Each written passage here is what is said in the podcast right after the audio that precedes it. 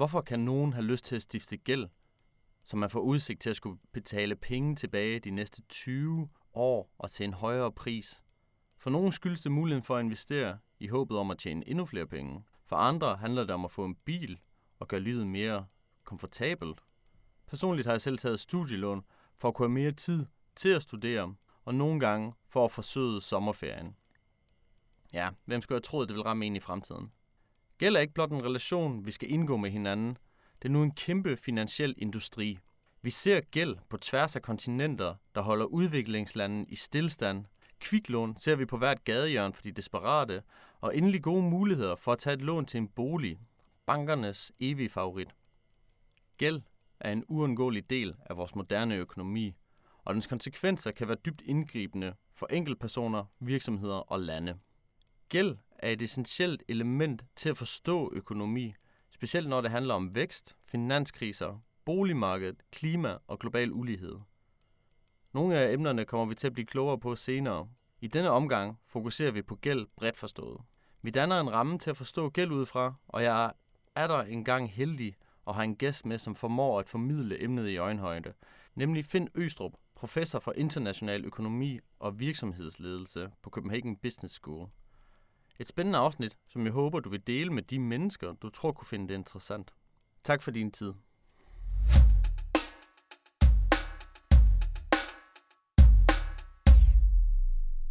Godt. Velkommen, Finn Østrup. Vi skal i dag snakke om øh, gæld, som kommer til at berøre lidt forskellige emner.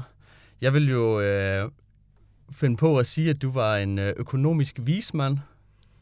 Du arbejder på CBS, men har også øh, udgivet forskellige økonomiske skrifter og bøger om alverdens emner, og der er øh, en vismand.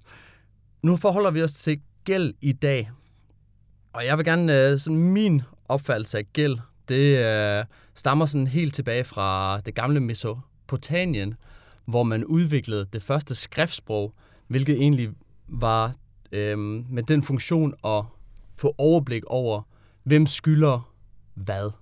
Altså gæld. Og der kan man sige, at gæld er det her et begreb om, at man betaler eller skylder noget til fremtiden. Regningen ligger i fremtiden. Er gæld det samme i dag, eller har gæld udviklet sig?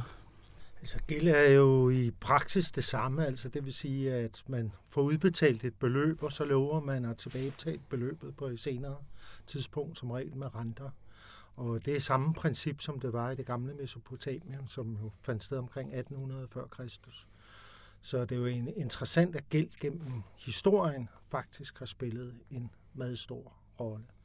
Også i det gamle Grækenland og i det gamle Rom er der beretninger om, at der var borgerkrige på grund af, af gæld, hvor dem, der havde taget gæld, øh, gjorde oprør mod dem, de skyldte penge. For eksempel skete flere gange i Roms historie, og også i Grækenland. Ja, og det vil... Øh, det kan vel nærmest også være sådan den sidste metode, man kan bruge, altså hvis man ikke kan tilbagebetale sin gæld. Altså, det er jo et meget interessant spørgsmål, hvad der sker, hvis man ikke kan tilbagebetale gæld. Altså, i helt gamle dage, i det gamle Grækenland og det antikke Rom, der var folk, blev folk, der ikke kunne tilbagebetale gæld, blev gjort til slaver. Altså, det vil sige, så måtte man opgive sin frihed, og så måtte man så arbejde for andre. Øh, senere hen, og det var også meget interessant, også i Danmark, så var der noget, der hed gældsfængsel.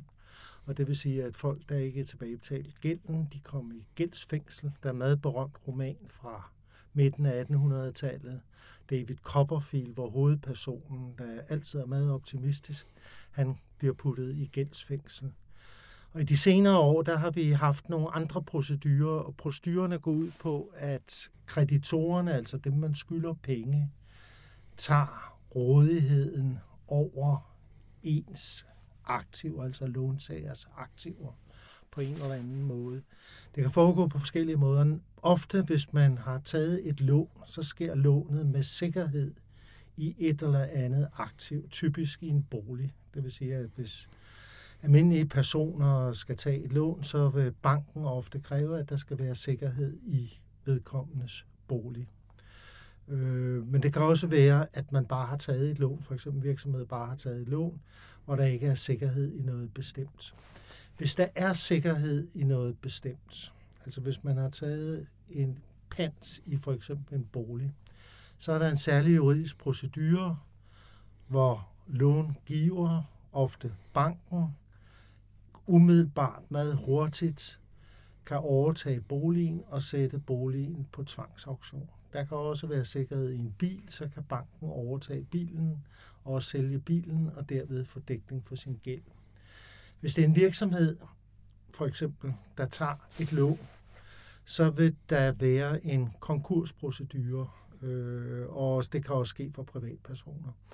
Og det vil så sige, at så må man jo gå hen til den, man skylder penge, ofte en bank, og sige, hør, jeg kan ikke betale gælden.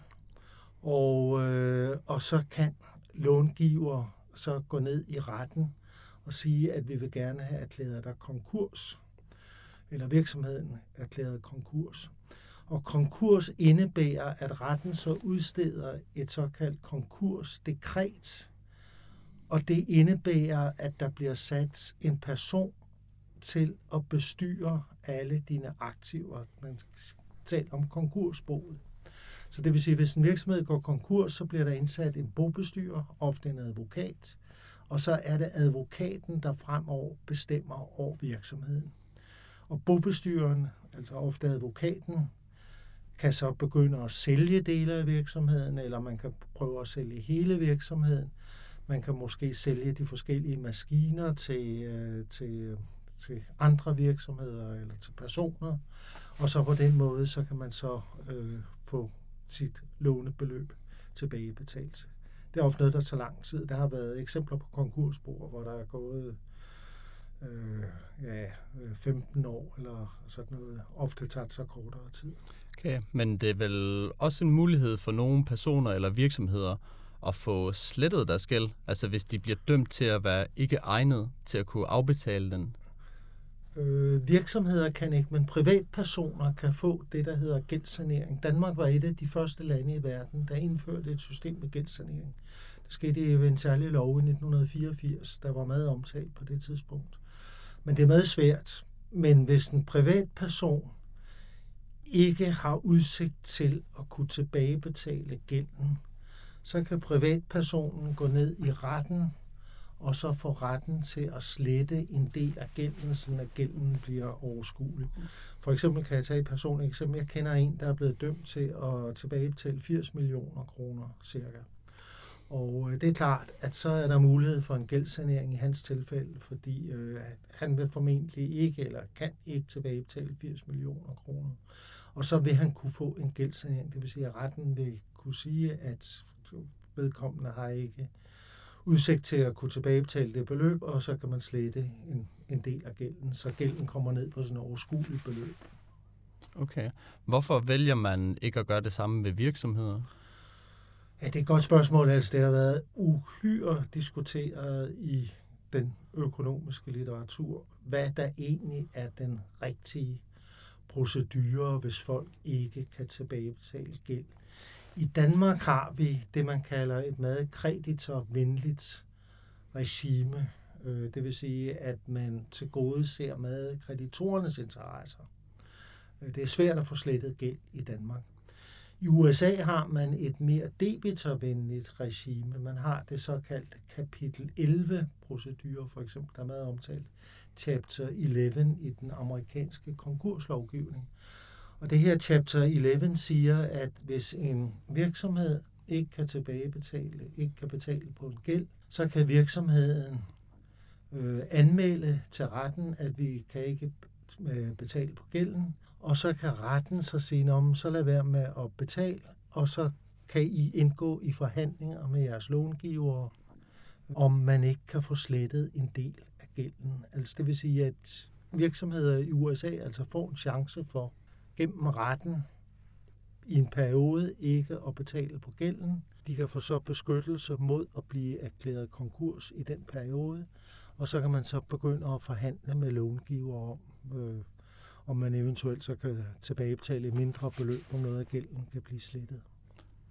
Det må jo så være for, at man har en øh, idé om, eller en tiltro til, at hvis virksomheden ikke skal afbetale på sin gæld, så kan den egentlig begynde at få et overskud igen, og så på den måde komme på rette vej. Jo, altså det kan jo godt være, at en virksomhed af en eller anden grund begynder at gå dårligt, og så er den alt for stor gæld. Men derfor kan det jo godt være, at virksomheden er rentabel, hvis den har noget lavere gæld, og så skal betale et mindre beløb i renter. Øh, så altså en virksomhed kan jo godt være rentabel, hvis den får slettet en del af gælden, og så skal betale øh, færre renter. Okay. Okay. Vi har været lidt inde på det med privatpersoner, hvorfor man øh, overhovedet optager gæld, hvis nu man vil i bolig eller man vil have en bil. Hvorfor gør virksomheder det typisk? Ja, virksomheder kan gøre det for eksempel, hvis de skal gennemføre investeringer, øh, hvis de skal købe nogle nye maskiner for eksempel, eller gerne vil opføre nye bygninger. Øh, for eksempel hvis en virksomhed har gjort en, øh, en ny opdagelse og meget hurtigt gerne vil markedsføre det nye produkt, så gælder det om hurtigt at opføre nye bygninger og installere nye maskiner og sådan noget, producere produktet. Og så kan det jo i den situation være en vældig god idé at optage gæld, og så på den måde kan man få et større overskud. Man kan forestille sig, at tingene i dag er blevet lidt mere øh, teknologiske, men hvis vi sådan tager det tilbage til det gamle Grækenland og Romeriet, hvorfor optog de gæld dengang? Ja, det øh, er selvfølgelig et stort, stort spørgsmål. Øh, der var for eksempel klager over, at øh, når de skulle i krig, så blev de nødt til at, at optage gæld, fordi de kunne ikke dyrke deres jord i den periode, hvor de var i krig. Det skete for eksempel i det gamle Rom. Der var mange soldater, der klagede over. Der var almindelige borgere, de blev udskrevet som soldater. Og de klagede sig over, at de i den periode, hvor de var i krig, så ikke kunne passe deres forretninger, så blev de nødt til at optage gæld. Det var for eksempel et stående klagepunkt i det gamle Rom. Okay. Okay. Og man, det må være en lidt sur situation, kan man forestille sig, hvis man er blevet meldt til at skulle i krig, og så er man nødt til at optage gæld, og så når man kommer tilbage, så kan man ikke tilbagebetale gælden, og så kommer man måske i fængsel, eller skal være slave. Ja, så blev du gjort til slave, så det var selvfølgelig surt. Men det var også derfor, der var mange strider om det. Altså i dag er det et godt spørgsmål, om der er en tendens hos folk til at optage for meget gæld. Altså hvis folk opfører sig fornuftigt og rationelt, så kan man sige, at gæld overhovedet ikke er noget problem. Tværtimod, så kan man sige, at gæld hjælper virksomheder til investeringer, det vil sige til højere økonomisk vækst. Og det er jo også en stor fordel for privatpersoner, for eksempel studerende, som i en periode ikke har særlig høj indkomst, eller måske slet ikke har indkomst, så kan de stadigvæk tage på skiture og have et, et rimeligt forbrug i en periode, og så optager man noget gæld, nogle studielån, og så tilbagebetaler man de studielån senere. Altså alle kan også komme ud for på et tidspunkt at stå uden arbejde, og øh, det vil sige, at man i en periode måske slet ikke har nogen indkomst eller meget lav indkomst. Og så er det jo en dårlig idé, hvis man pludselig skal gå ned i forbrug i den periode og nedskære sit budget fordi man tilfældigvis i en periode ikke har noget arbejde. Og så er det jo en god idé for folk, der står uden arbejde, måske at de i en periode så tager nogle lån, og så når de forhåbentlig igen får arbejde, så kan de så tilbagebetale gælden.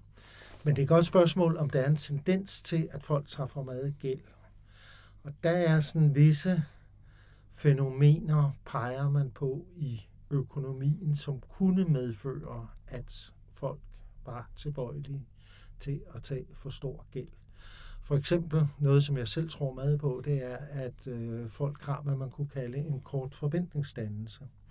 Og det vil sige, at når det går godt, så bliver folk påvirket af det og tror, at det bliver ved med at gå godt. Det vil sige, at når folk danner forventninger, så ser man meget på den lige den aktuelle økonomiske situation. Det har der været masser af eksempler på gennem historien, at når det går godt, så tror folk, det bliver ved med at gå godt. Der er også lavet undersøgelser i Danmark, for eksempel over boligpriser, og de undersøgelser viser, at når boligpriserne stiger, så forventer folk, de bliver ved med at stige. Omvendt, hvis boligpriserne går ned, så bliver folk ved med at tro, tror folk, at de bliver ved med at gå ned. Så det vil sige, at altså, folk i deres forventningsdannelse er meget præget af den aktuelle økonomiske situation. Og det er jo farligt, fordi det medfører, at når det går vældig godt for erhvervsvirksomheder eller for privatpersoner, så kan folk så optage en vældig meget gæld, og så forud, har man altså ikke forudset fremtiden korrekt, Og når det så begynder at gå dårligt, så kan man måske ikke tilbagebetale den gæld, som man har optaget. Så kan man eventuelt få en såkaldt finanskrise, hvor der altså er en mængde virksomheder eller personer, som ikke kan tilbagebetale deres gæld. Men det er et fænomen, det er en kort forventningsdannelse. Et andet fænomen er, at folk har en kort tidshorisont, og det er der også økonomiske undersøgelser, der tyder på, at folk har. Det vil sige, at øh, det folk ønsker, det er med at realisere noget forbrug på helt kort sigt. Altså det typiske eksempel er personen, der klokken 12 om natten gerne vil på diskotek, og det eneste vedkommende tænker på, det er at komme på diskotek, han har. Vedkommende har en meget kort tidshorisont. Men det kan også være, at folk, når de står i sommerferien, så vil de enormt gerne på en ferierejse, og så optager, er der måske en tendens til at tage gæld for lige at realisere nogle mål på helt kort sigt. Og endelig så er der også mange økonomiske undersøgelser, der tyder på, at folk er optimister. Det er jo vældig godt.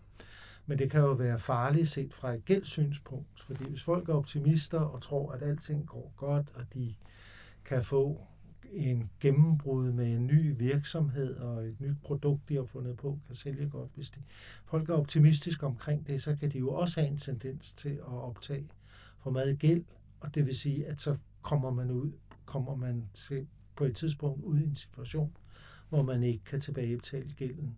Så der kunne altså godt være sådan indbyggede psykologiske træk hos privatpersoner og selvfølgelig også hos virksomhedsledere, som kunne trække i retning af, at man optager for meget gæld, altså en kort forventningsdannelse, en kort tidshorisont, ønsketænkning.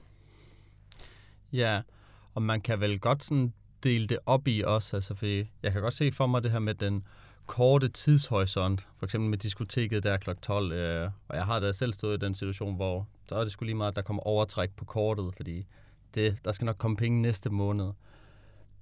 Så man har den korte tidshorisont, men der er også mange, der går i gæld, netop på grund af den øh, lange tidshorisont. Altså nu tænker jeg specielt på boligkøb, altså fordi hvor man ser, okay, det bliver dyrt for mig, øh, eller det bliver dyrere for mig, end hvis jeg købte det kontant, men om 30 år eller 20 år, så står jeg med et hus, som så er blevet afbetalt, og som jeg så ejer, og så fordi man jo så også er forhåbningsfuld, at det så måske endda er stedet i pris, og man så kan sælge det, og så har man jo ja, fået de ekstra penge.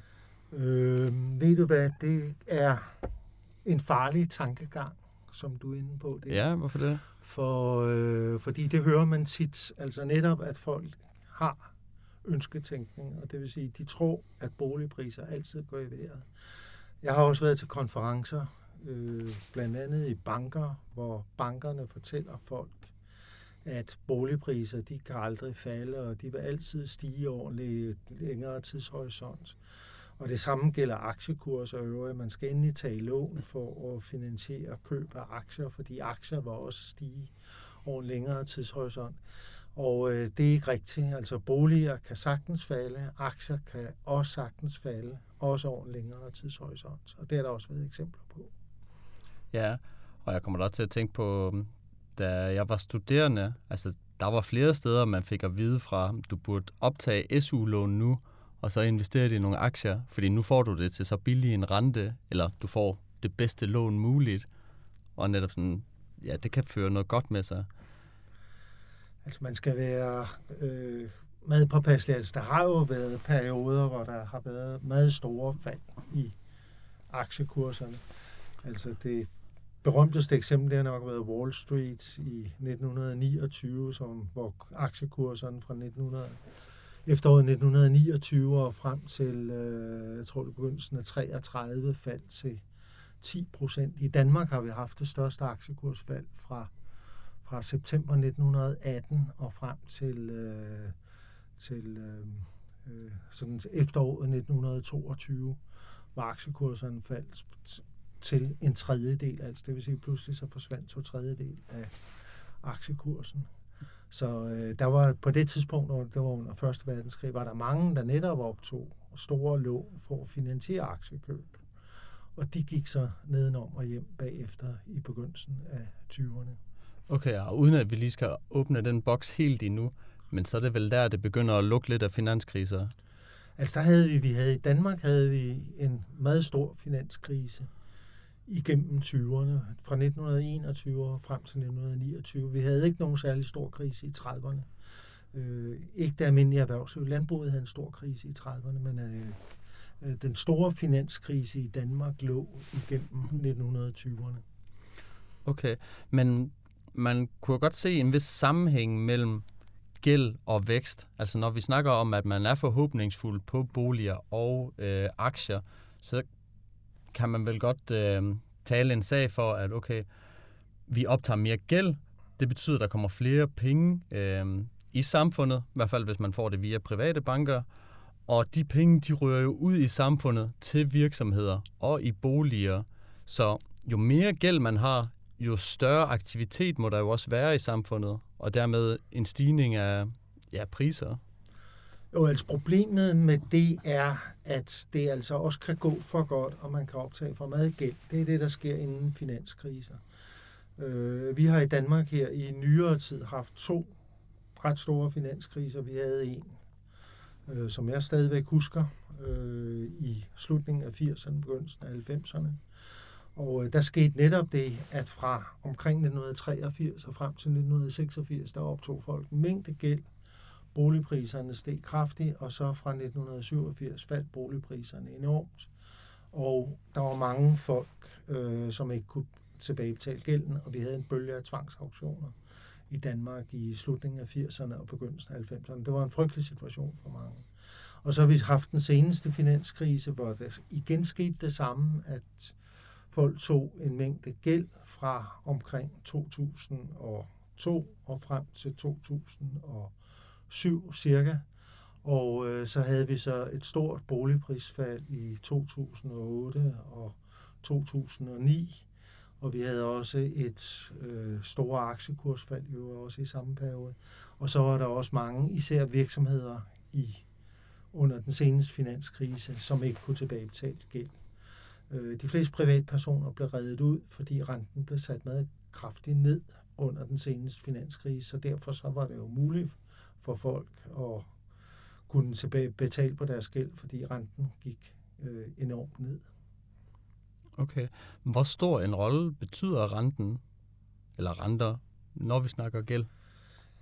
Ja, det vil vise sig nu igen, fordi gennem mange år efter finanskrisen, øh, siden 2008 har vi haft en situation, hvor renten er blevet stadig sat ned, og hvor renten har ligget meget lavt, og faktisk været negativ, altså det vil sige, at folk har fået penge for at låne. Altså i stedet for selv at skulle betale renter, så har virksomheder og privatpersoner faktisk fået penge for at låne. Øh, og den situation er pludselig blevet ændret her siden begyndelsen af sidste år, siden begyndelsen af 2022, hvor renten jo er gået virkelig meget i vejret, øh, og, øh, og det medfører så, at i dag er der mange, der har optaget lån, og som står i en situation, hvor de skal betale meget højere renter, end de skulle tidligere. Der er det, der hedder F1-lån, det vil sige lån, hvor renten bliver justeret op med et års, eller måske lidt længere tid, fem års øh, øh, varighed. Og øh, på de lån, der lå renten på F1-lån, der lå renten for to år siden, der var den negativ. Og i dag, der ligger den på, det er lige kommet frem her ved begyndelsen af andet halvår 2023, er renten kommet op på over 4 procent. Og det vil sige, at hvis folk har lånt 5 millioner, og de for nogle år siden skulle betale, eller faktisk fik penge tilbage, og pludselig nu skal betale 4 procent af 5 millioner, så er det klart, at så er det en stor regning for, øh, for privatpersoner. Bestemt, og det kunne da godt lyde lidt som øh, et nærmest øh, bundefangertræk, altså hvis man siger, kom og lån penge hos os lige nu, så får du øh, endda negativ renter, så du får lidt penge tilbage, og så ændrer man det senere til nogle højere priser. Altså jeg tænker ikke, at det er med den hensigt, de har gjort det, men det er da en sjov mekanisme, at man på den måde kan ændre renten jo, men bundefangeri, det synes jeg nu ikke, man kan kalde det. Men øh, det er klart, at folk har ønsketænkning, så når du får tilbudt penge for at låne, øh, så tænker folk, det bliver ved med at gå godt, det bliver ved med at være negativ rente, vi bliver ved med hvert år at få penge for at låne. Øh, så folk har den ønsketænkning, og også meget påvirket af den aktuelle situation, Man tror, at når man bliver får penge, for at låne, så bliver den situation ved med at øh, eksistere også i de kommende år. Og derfor så forudser folk ikke tilstrækkeligt, at pludselig kan situationen ændre sig, og renten kan lige pludselig øh, blive sat i vejret. Så altså folk har ønsketænkning. Folk er påvirket helt af den aktuelle situation. Det tror jeg gerne. Man håber jo på det bedste. Mm, renten er jo prisen på gæld, kan man jo egentlig godt sige. Det er det, du skal betale for at få det her lån. Når jeg ser det for mig, altså så fordi vi låner mere, der kommer flere penge i samfundet, og der så er renter på typisk, det betyder jo, at samfundet konstant skal skabe eller få flere penge for at kunne tilbagebetale den her, øhm, det her lån med renter på jo. Er det, er, er det rigtig nok sådan øh, anskuelse, at samfundet på grund af den gældsbyrde, vi har, og den måde, vi får penge ind i samfundet på, øh, typisk via private banker, at, at, at det nærmest er uden ende, fordi netop vi skal jo have den her vækst for at få de ekstra penge, som skal betales på grund af renterne. Jo, men det kan man jo normalt også. Altså, vi har jo lige igennem flere hundrede år jo konstant haft teknologiske fremskridt. Og det medfører jo altså, at man kan foretage investeringer, og det kunne være at opføre fabrikker, købe nye bygninger, eller købe IT-udstyr, eller øh, også foretage udgifter til ny forskning. Og der er, er et afkast på de investeringer. Så det kan jo altså betale sig for en virksomhed ofte at foretage investeringer, få et afkast, og så vil afkastet ofte, hvis virksomheden har regnet rigtigt, så vil afkastet være højere end renten. Så netop takket være den økonomiske vækst, takket være det afkast, der eksisterer på grund af teknologiske fremskridt, så kan man øh, forrente en gæld. Men der kan jo også være tale om øh, aldersforskelle, det vil sige, at der er nogle personer, der er interesseret i at spare op, og de er så interesseret i at placere penge i obligationer eller placere dem i en bank, og så kan de virksomheder, realkreditinstitutter for eksempel i Danmark, der udsteder obligationer, eller banker, de kan så låne de penge ud. Altså typisk er det jo sådan, at du vil låne i de unge år, og så vil du spare op i årene fra øh, måske 25, 30 år og frem til du er øh, omkring 62, 63, 64 år, og så vil man så igen begynde og bruge sin opsparing. Så der er jo typisk et tidsforløb gennem folks levetid, at man i de unge år, der låner man, og så sparer man op, og så øh, forbruger man igen, øh, når man bliver gammel. Ja. Jeg sidder bare, øh, eller jeg sidder og tænker mellem den her sådan distinktion, tror jeg man kan kalde det, fordi når man tænker på lån, øh, sådan typisk, nu låner jeg dig noget, så plejer det jo gerne at være en til en, hvad man skal give tilbage. Jeg låner din cykel, du får din cykel tilbage. Hvor nu der er kommet en form for virksomhed ud af at låne ud, og så netop tage renter på det, og kviklån endnu højere renter end med banker for eksempel. Og det her jeg så tænker, om ville det være mere stabil for et samfund, hvis man havde den første form for långivning, altså hvor det er en til en. Det vil fjerne en del af den her virksomhed, men det vil, jeg kunne se for mig, at det vil skabe mere stabilitet, fordi det trods alt er en mindre gældsbyrde, folk vil have på sig. Ej, det synes jeg ikke, fordi altså virksomheder kan jo normalt betale en rente, ikke? og det kan for eksempel studerende, der tager et lån, jo også betale en rente. Altså de låner, fordi de har brug for et pengene, når de studerer, for at kunne realisere noget forbrug og tage på nogle rare rejser, når de er studerende og, og leve lidt godt. Og det er jo alle tiders, øh, kan man sige. Og så regner de jo så med senere at tjene mere, og så kan de også, har de også råd til at betale de renter. Men jeg giver dig ret i, at det er blevet et problem, synes jeg, i samfundet, at bankerne, de finansielle virksomheder, bliver mere og mere fokuseret på at prøve at få folk til at tage lån.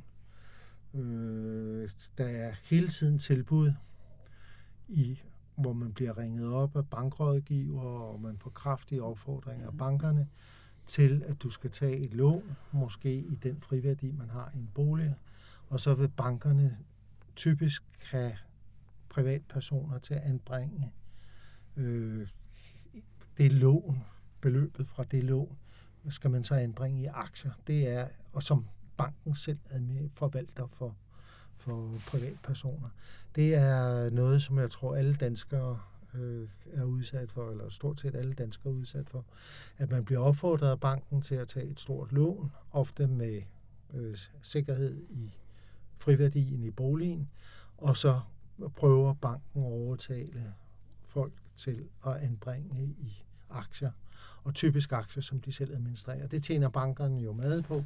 Først så tjener de på at give lånet, ved at man så betaler renter til banken, og for det andet så øh, tjener banken så på, at de skal administrere ens formue, den nye øh, øh, de aktiekøb, der er foretaget, og så tjener banken også på et gebyr, som de opkræver for at administrere øh, folks aktier. Ja. Det, er, det er en kæmpe industri, og jeg vil også sige, at jeg synes nogle gange, at det er, det er umoralsk ved, at folk bliver luk, lokket til at tage disse lån. Øh, for eksempel ved, at folk bliver inviteret ned til møder i bankerne og til sammenkomster, hvor der er rigeligt med mad og drikkevarer. Og øh, jeg har også hørt om folk, der bliver inviteret til pelsopvisninger og sådan noget. Og, øh, og det er jo en måde at lægge pres på folk på, for at få dem overtalt til at tage disse lån og så placere dem i aktier. Ja, øh, jeg kan da huske, øh, for godt 10 år siden, før det var alt for reguleret, der tog jeg en bustur på 4-5 km, og der var tre forskellige reklamer for kviklån, og det var så før det blev reguleret med lidt mere, hvordan man måtte vise det.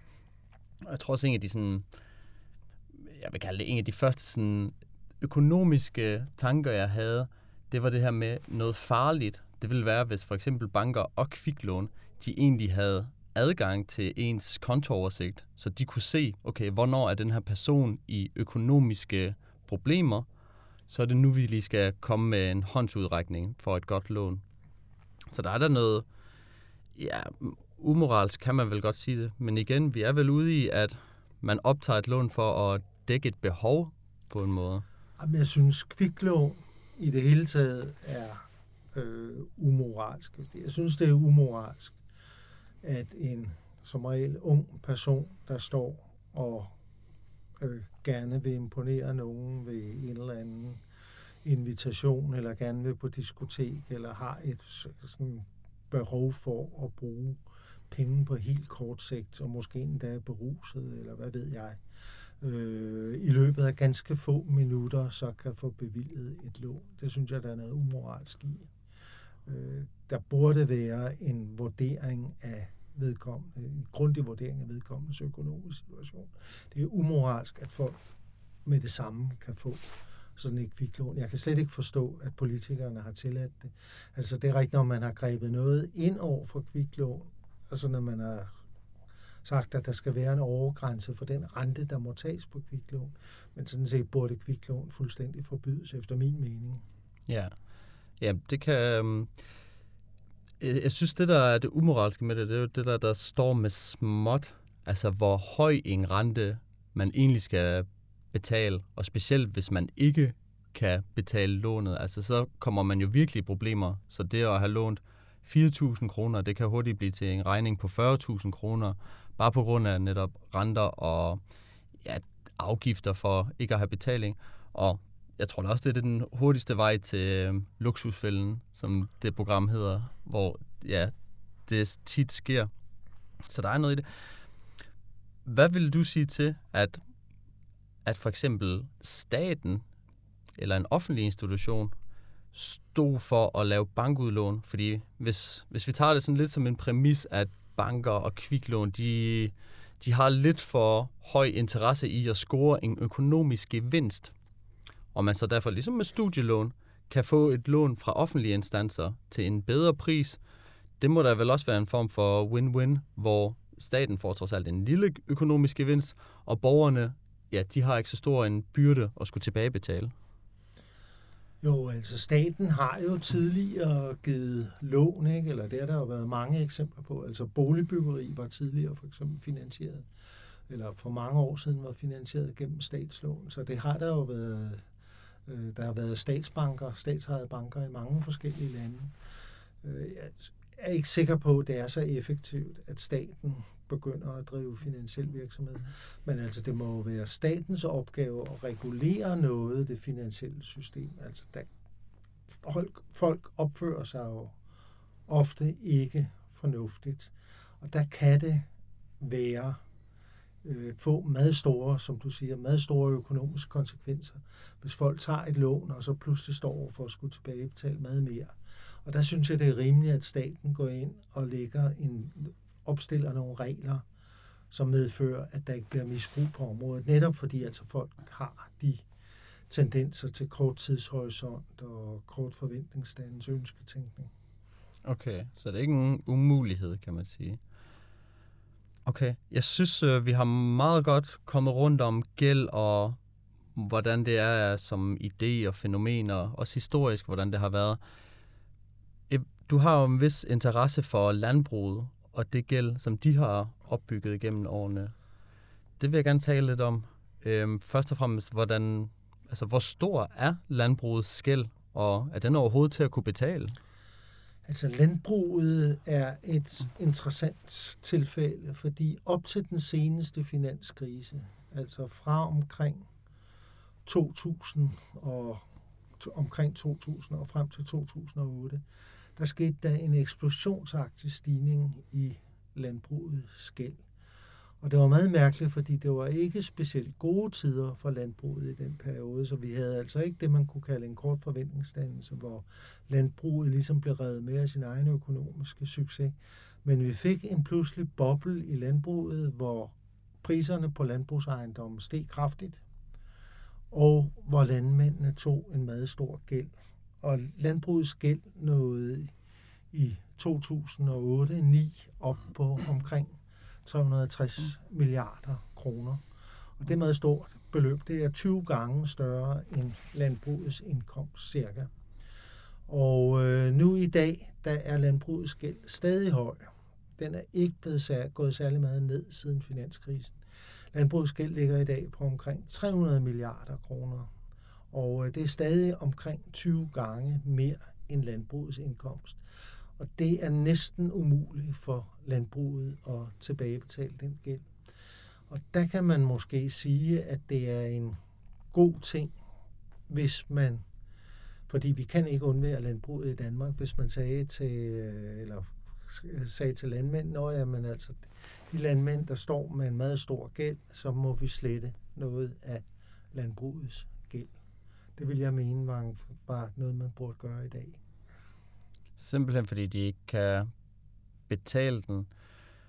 Hvorfor gør man så ikke det? Det går ud over bankerne. Øh, de finansielle virksomheder i Danmark har en egenkapital på omkring 400 milliarder kroner. Så hvis man skal begynde at slette bare måske en tredjedel af landbrugets gæld, så vil det jo være et tab på 100 milliarder. Det vil sige en fjerdedel af deres egenkapital øh, pludselig forsvinder. Så det vil være et problem, mm. øh, hvad de så skal gøre. Så øh, det, man ligesom har håbet på i landbruget siden finanskrisen, det var, at noget skulle vise sig, at det, af en eller anden grund, så ville der komme prisstigninger på landbrugsvarer, eller et eller andet andet godt ville tilstøde landbruget.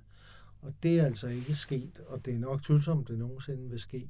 Men altså, man har ligesom skubbet problemet frem, og bankerne har sagt til de landmænd, der er i vanskeligheder, når ja, men øh, bliv på gården, og så eftergiver, eller så udsætter vi betalingen af gæld med nogle år. Så man har ligesom ikke taget det store opgør og taklet øh, problemet omkring landbrugets store gæld. Ja, også fordi hvis, selv hvis man udskyder det som et par år, altså så skal der jo gå virkelig mange år, øh, endda uden renter, før at de kan tilbagebetale det. I hvert fald 10 år, kan man jo sige. Jeg husker noget ved, ikke ved sidste folketingsvalg, men det inden da, hvor øh, Claus Riska, han havde nogle sjove idéer, og en af dem var jo blandt andet, at staten skulle overtage gælden fra landbruget, så de netop skulle betale mindre i renter. Så bankerne, de ville stadig få deres penge. Øhm, de vil ikke få lige så mange, fordi de vil jo ikke kunne leve af renter på samme måde. Men, men hvor jeg staten vil overtage det for at ja, gøre det lidt lettere for landmændene at komme igennem regningen. Hvad synes du om den idé? Øh, jeg synes, det er en dårlig idé, fordi så er det jo skatteborgeren, der kommer til at betale. Så det vil sige, at den regning, den bliver jo så sendt videre til de almindelige skatteborgere. Man kunne gøre noget, der er smartere, der jo også har været stillet forslag om.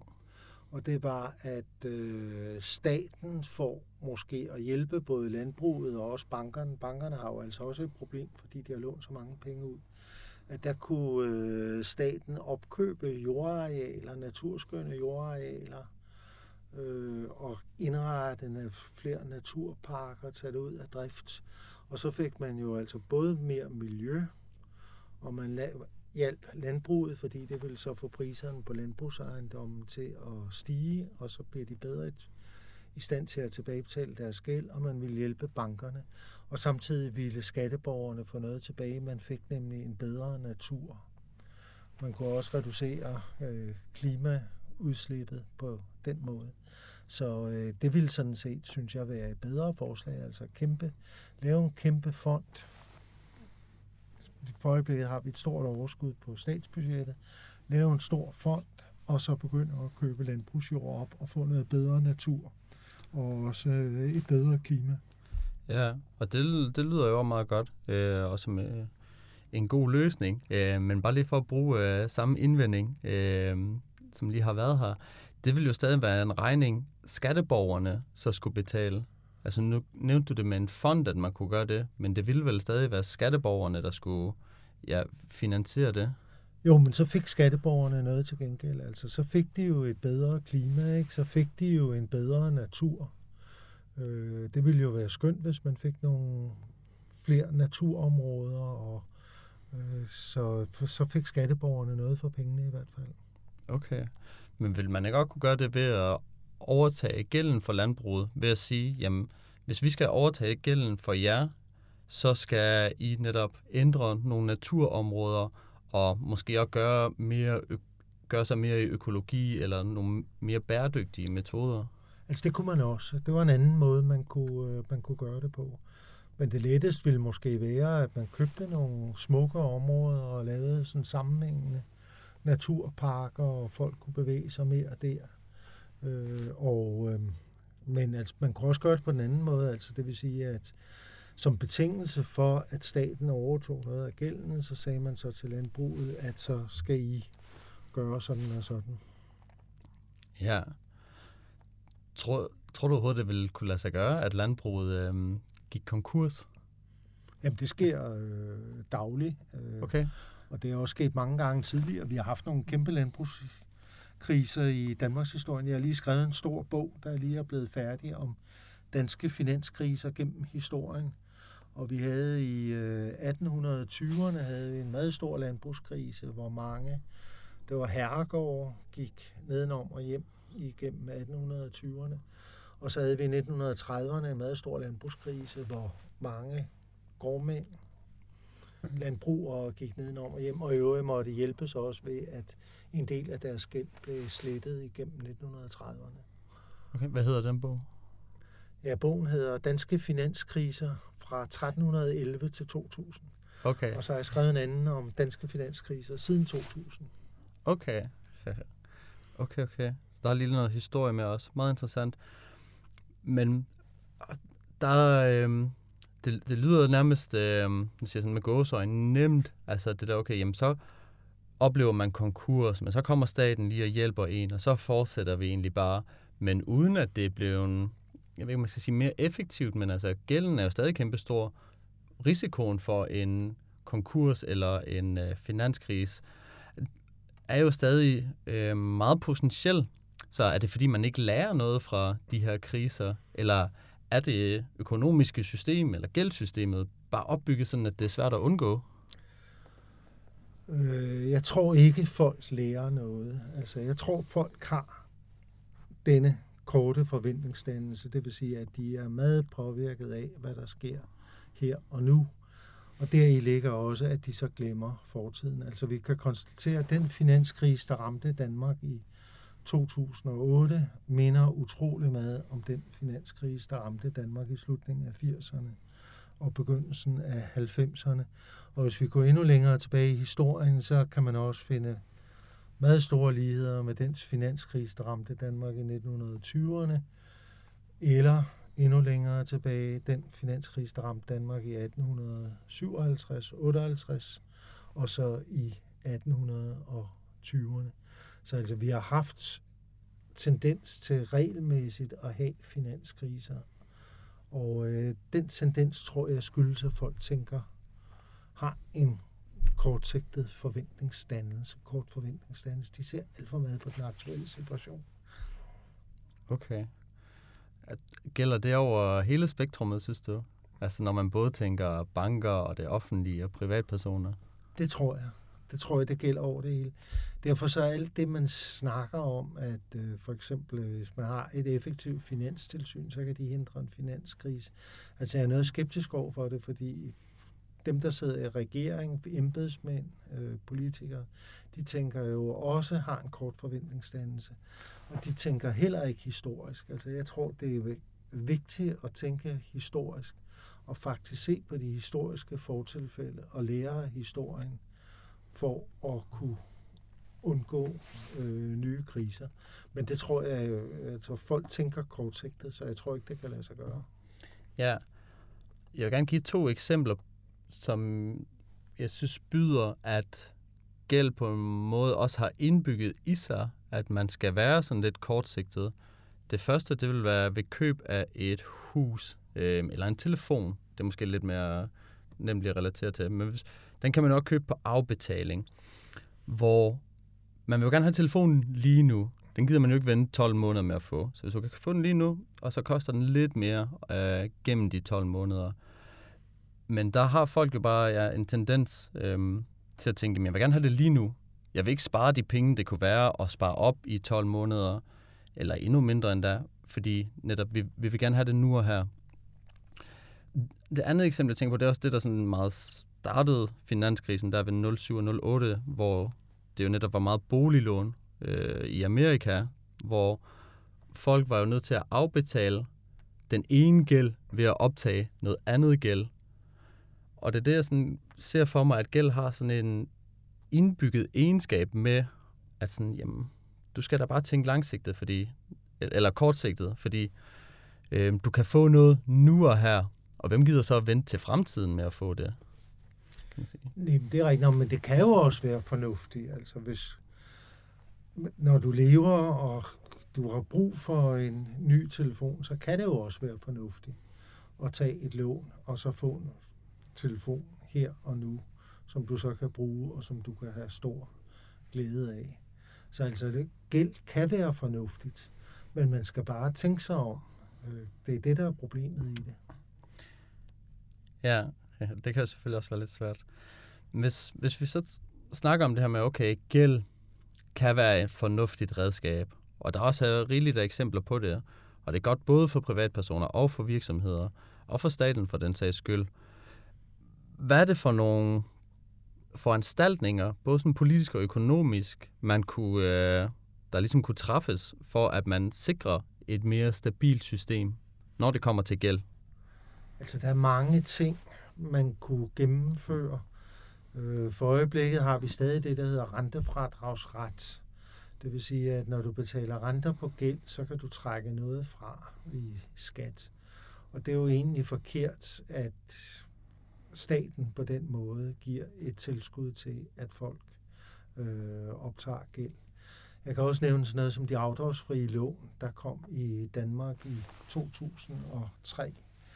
Øh, at det, at man i en periode ikke skal betale afdrag, det opmuntrer jo også til gæld, fordi folk tænker på den lige den aktuelle situation, og så tænker de på ydelsen her og nu, og derfor vil man være mere fristet af at optage et afdragsfrit lån, end at optage et lån, hvor der er et stort, store afdrag allerede fra starten.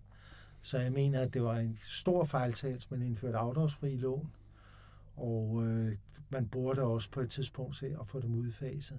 Og jeg mener også, det er en stor, stor fejltagelse, at man stadig har rentefradragsret. Den er blevet meget begrænset gennem årene, men vi har stadig rentefradragsret. Den kunne man også afskaffe. At, okay. Det har så været nogle, eller det er så afskaffelse af nogle regler, vi har nu. Hvad har man set af sådan mere, øh, skal kalde det positive, altså hvor man så har lavet en øh, lov eller en mekanisme, som prøver at mindske gældens negative konsekvenser? Altså man har lavet alle mulige regler, der skal beskytte finansielle forbrugere, men det er ofte gået ud på, at folk skal have rådgivning. Det vil sige, at der er krav om, at når en bank skal give et lån, så skal man vurdere låntagerens økonomiske situation. Man skal også øh, øh, give rådgivning omkring den økonomiske situation, så der er tale om større lån. Øh, så der har været alle mulige regler, men jeg er ikke sikker på, at de er særlig effektive. Jeg tror ikke, fordi jeg tror, at når folk sidder og skal have rådgivning af banken, så tror jeg mest folk tænker på, det er at få lånet og komme ud af banken hurtigt. Ja, bestemt. Bestemt også. Ja, hvis man sådan lidt mister tidsfornemmelsen, hvad det egentlig skal være. Okay. Hvordan i forhold til staten, når den optager lån? Fordi en stat kunne jo i princippet skabe sin egen penge via Nationalbanken. Og der vil jo ikke være et en gæld. Der vil jo bare være nye penge, og så vil vi jo have mere inflation, kan man jo så sige. Men det er jo måske en lille pris at betale i forhold til en stor gæld. Altså hvis vi ser historisk på det, og nu har vi talt historie flere gange, øh, øh, så er der ofte sket det, at stater har optaget meget stor gæld, nemlig ofte under krige. Og øh, det, der så ofte er sket bagefter, det er, at staten har finansieret sine udgifter ved at udstede penge, og det har så medført inflation. Øh, vi har også været krafttilfælde, hvor stater har optaget meget stor gæld, og så bagefter er der så kommet en har der været en høj inflation, og den er så medført, at gælden er blevet formindsket. Vi kan tage to eksempler, eller mange eksempler fra Danmark, men altså et eksempel fra Danmark, det var under Napoleonskrigene frem til 1814, hvor staten, danske stat, finansierede sine udgifter ved at udstede flere og flere pengesedler. Altså lave pengesedler? Ja, ja. man udstedte simpelthen pengesedler og betalte folk med pengesedler. Og det vil sige, at man så, at mængden af pengesedler steg helt astronomisk under Napoleonskrigen i Danmark. Og det endte med den såkaldte statsbankerot, som øh, i 1813, januar 1813, hvor man, som i virkeligheden ikke var nogen bankerot, men man også har indført nogle nye penge. At folk havde mistet tilliden til de gamle penge, så indførte man et nyt pengesystem. Og det gik så i et år, så var det også ved at bryde sammen, men så måtte man så slutte fred i januar 1814. Øh, men vi kan tage Danmark under 2. verdenskrig. Under 2. verdenskrig, der var vi jo besat af tyskerne, og øh, tyskerne betalte ikke noget som helst. De hentede deres penge til deres udgifter i Danmark, hentede de i Nationalbanken. Så det vil sige, at tyskerne lånte i Nationalbanken, øh, til alle deres udgifter til at opføre fæstningsanlæg i Danmark og til tyske tropper, der havde forbrug i Danmark osv. Det var alle sammen penge, der blev hentet i Nationalbanken. Og det vil sige, at ved afslutningen af 2. verdenskrig, der stod tyskerne med en meget stor gæld til Nationalbanken. Og da Tyskland jo ligesom ikke eksisterede mere end 1945, så måtte den danske stat overtage gælden til Nationalbanken. Så der var faktisk meget stor statsgæld i 1945. Men den statsgæld, den blev så udhulet gennem mange år ved, at vi havde en høj inflation. Vi fik højere og højere inflation gennem fra slutningen af 1950'erne og gennem 60'erne og op i 70'erne, hvor vi havde meget høje inflationsrater.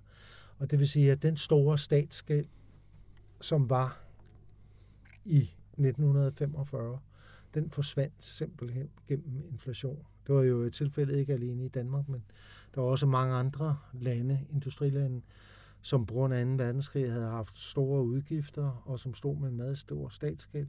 Og den statsgæld, den forsvandt så gennem de næste årtiers inflation. Altså, øh, for, bare lige for at forstå det rigtigt, fordi øh, den forsvandt, men øh, betyder det altså, at den blev så øh, udtyndet eller formindsket af inflationen? Fordi den var der vel stadig, men prisen var bare meget lav. Ja, altså den blev udtyndet. Ja. Det vil sige, at på grund af inflationen, så steg værdien af skatter og størrelsen af skatter ja. og produktionen steg også.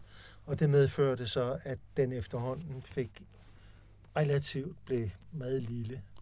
Okay.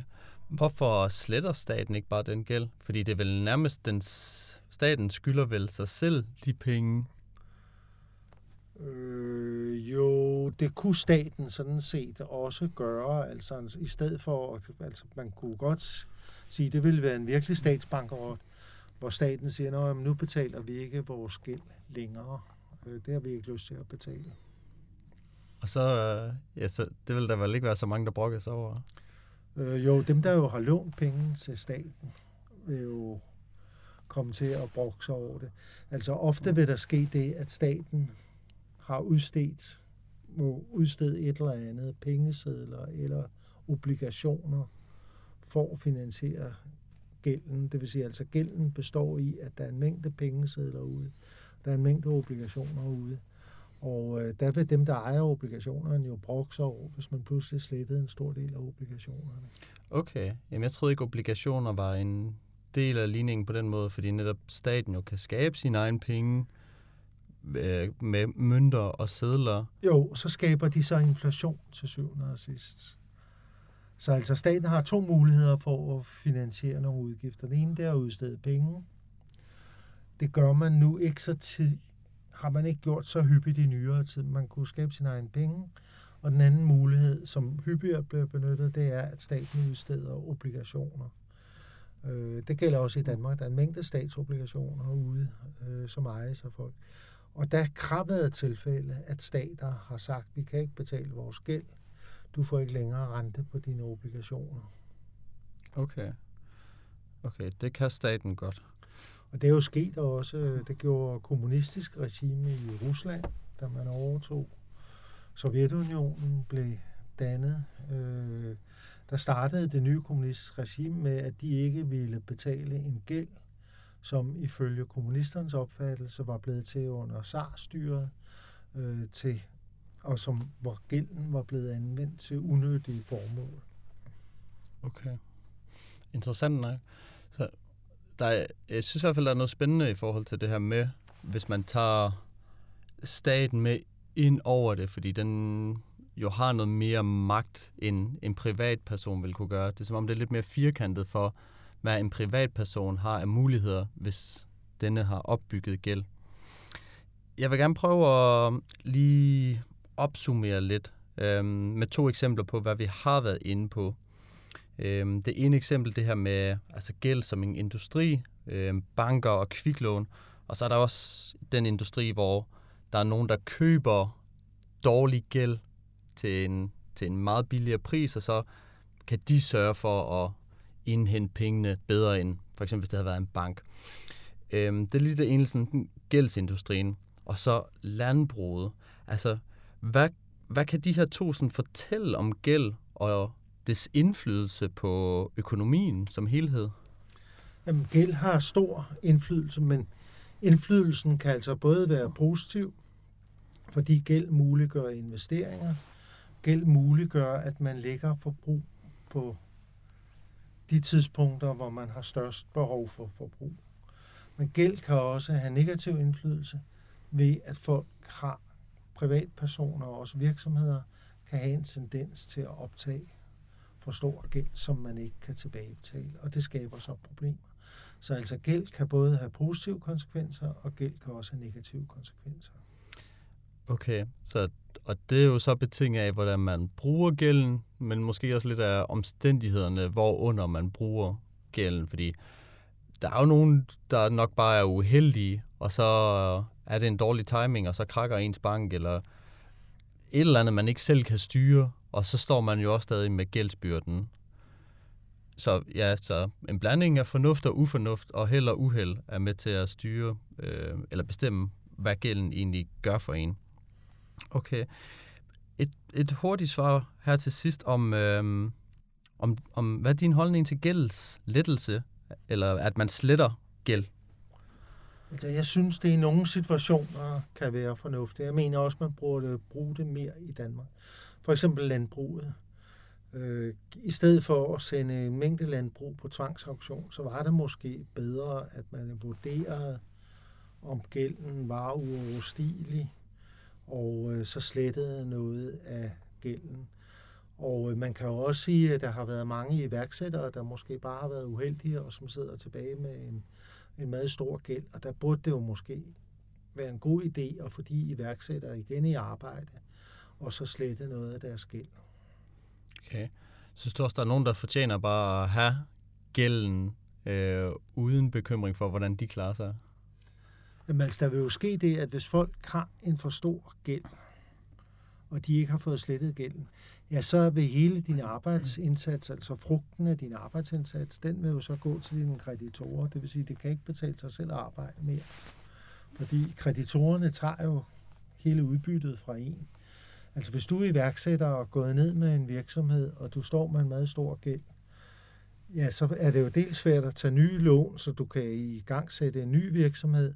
Men selv hvis du så skulle i gang sætte en ny virksomhed, ja, så vil långiverne, kreditorerne jo stå parat og tage udbyttet fra de nye virksomhed, så kan det jo ikke rigtig, så gider du jo ikke starte igen forfra. Så derfor synes jeg at det nogle gange er en god idé, at nogen er gået ned, og de har så fået en, optaget en stor gæld. Så sletter man den gæld, og så kan de komme i arbejde igen og komme forhåbentlig være mere heldige med den næste virksomhed, som, som øh, de starter. Okay. Godt. Finn Østrup, tusind tak, fordi du vil øh, være med og gøre os klogere på det. Altid også.